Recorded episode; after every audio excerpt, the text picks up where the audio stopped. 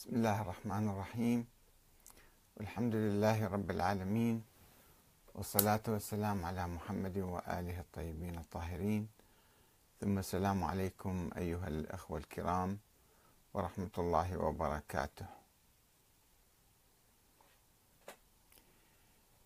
كيف نستثمر زيارة الأربعين في خدمة قضايا الأمة؟ ولماذا تغيب قضية فلسطين عن اهتمام الزائرين.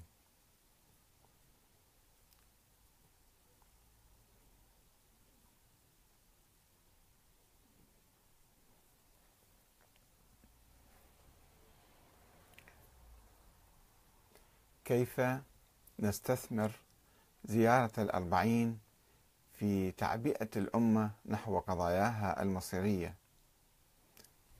ولماذا تغيب قضية فلسطين عن اهتمام الزائرين؟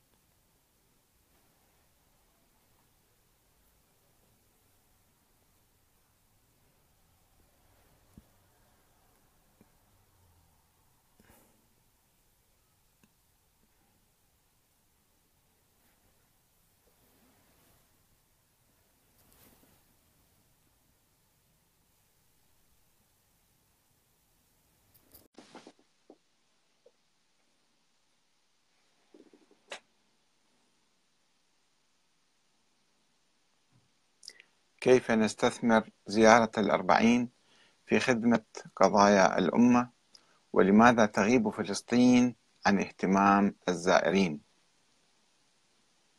بعد قليل سنكون معكم إن شاء الله.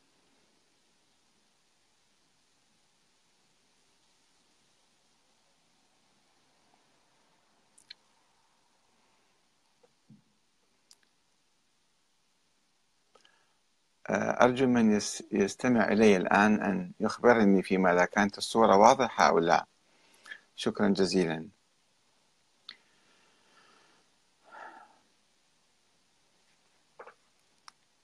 زيارة الأربعين وزيارة الإمام الحسين عليه السلام عموما فيها فوائد كثيرة منها تعبئة الروح الدفاعية في الأمة آه، الدفاعية الجهادية الدفاعية آه، ضد الظالمين وضد الطغاة وضد المحتلين وتعلم الناس الشهادة في سبيل الله. وربما كان الحشد الشعبي الذي ضرب أروع الأمثلة في مقاومة داعش نموذجا واحدا آه، من فوائد وثمار آه، الارتباط بالإمام الحسين وإحياء ذكراه في كل عام.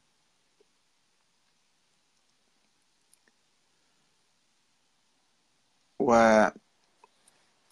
ولكن آه، يعني آه، هناك أيضا بعض القصور في هذا المجال في الحقيقة رغم كل الفوائد والإيجابيات التي يراها الناس ويعيشوها ويتحدثون عنها منها روح التلاحم والاجتماع والتعارف والكرم وأمور كثيرة تحدث أثناء حتى المشي إلى كربلاء. ولكن لا يمكن أن نكتفي بهذه الأمور إنما لابد أن نستثمر هذه المناسبة استثمارا أفضل. آه، وننقح هذه المناسبة من السلبيات ومن يعني الأمور السيئة التي يحاول بعض المتطرفين آه، استغلال هذه الزيارة. كما رأينا آه، جماعة ياسر اللعان ياسر السبئي اللعان الذين كتبوا على ظهورهم على قمصانهم آه، كلمات سباب وشتم ولعن بأئمة المسلمين ورموز المسلمين لكي يعبئوا الجو العام ويستغلوا هذه المناسبة العظيمة مئات الآلاف يحضرون أو عدة ملايين يحضرون في هذه الزيارة وهم يقومون بعمل إيجابي ولكن يأتي أفراد قلائل يصورون أنفسهم ويضعون صورهم باليوتيوب أو بالتلفزيون. التابع لياسر اللعان وإذا بالزيارة كلها والملايين اللي ذهبوا إلى الزيارة يستغلون بصورة سيئة بصورة تفرق الأمة الإسلامية وتزرع الحقد والبغضاء في قلوب المسلمين وتؤلب عامة المسلمين ضد الشيعة وضد زوار الإمام الحسين. عندما ربما رأيتم بعض الصور وموجودة بعض الأخوة نشروها ونشكر قوات وزارة الداخلية الشرطة الذين ألقوا القبض على 22 واحد من جماعة ياسر اللعان الذين قاموا باستغلال هذه المناسبة العظيمة لمآربهم الشيطانية الخبيثة. آه، هذا جانب. وجانب آخر هناك من يصر على أن تكون الزيارة زيارة تقريبا بلا روح. لا أقول ميتة ولكن بلا روح. الناس يأتون إلى المناسبة إلى الزيارة ويزورون الإمام الحسين ويعودون كما كانوا من قبل ولا يقوموا بأي عمل يترجم روح كربلاء وروح الإمام الحسين إلى آه، يعني إلى آه، معركة قائمة اليوم. الآن الأمة الإسلامية وشعوب منطقتنا الشرق الأوسط بالخصوص تعاني من هجمة استعمارية واستبدادية وصهيونية. وما داعش وأخوات داعش إلا آه، يعني مظهر أو مثال من أمثلة التدخل الاستعماري لتقسيم بلادنا وإلقاء الفتنة والتكفير والعنف وتدمير البلاد تدمير الحجر والناس وحرق الأرض.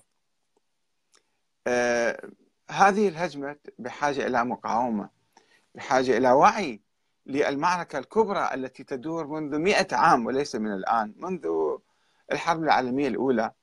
التي احتل فيها المستعمرون بلادنا وقسمونا وزرعوا هذا الكيان الغاصب. استوردوا ال ال اليهود من كل أنحاء العالم لكي يقيموا في هذه الأرض ويطردوا شعبها ويستعمروا شعبها ويذلوا شعبها. أنا طرحت عدة أسئلة في هذا الموضوع. آه، قلت يعني كيف نستثمر هذه الزيارة؟ في خدمة قضايا الأمة في تعبئة الأمة في هذه المعركة المصيرية الكبرى. ولماذا تغيب القضية الفلسطينية هذه الأيام عن اهتمام الشارع العراقي بصورة عامة والتيارات الإسلامية بالخصوص والأحزاب الكردية بالأخص؟ الأكراد أحفاد آه، صلاح الدين الأيوبي الذي حرر القدس. لماذا الآن منسحبين وبعضهم بعضهم يتعاطف ويتحالف ويتعاون مع إسرائيل في خدمة قضايا إسرائيل. وهل يجب أن نهتم بهذه القضية قضية فلسطين؟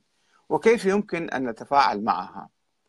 لماذا نقوم بزيارة الإمام الحسين بالملايين ولا نعبئ أو ولا نعبأ بما يحدث في فلسطين؟ حتى بنسبة واحد بالألف أو واحد بالمليون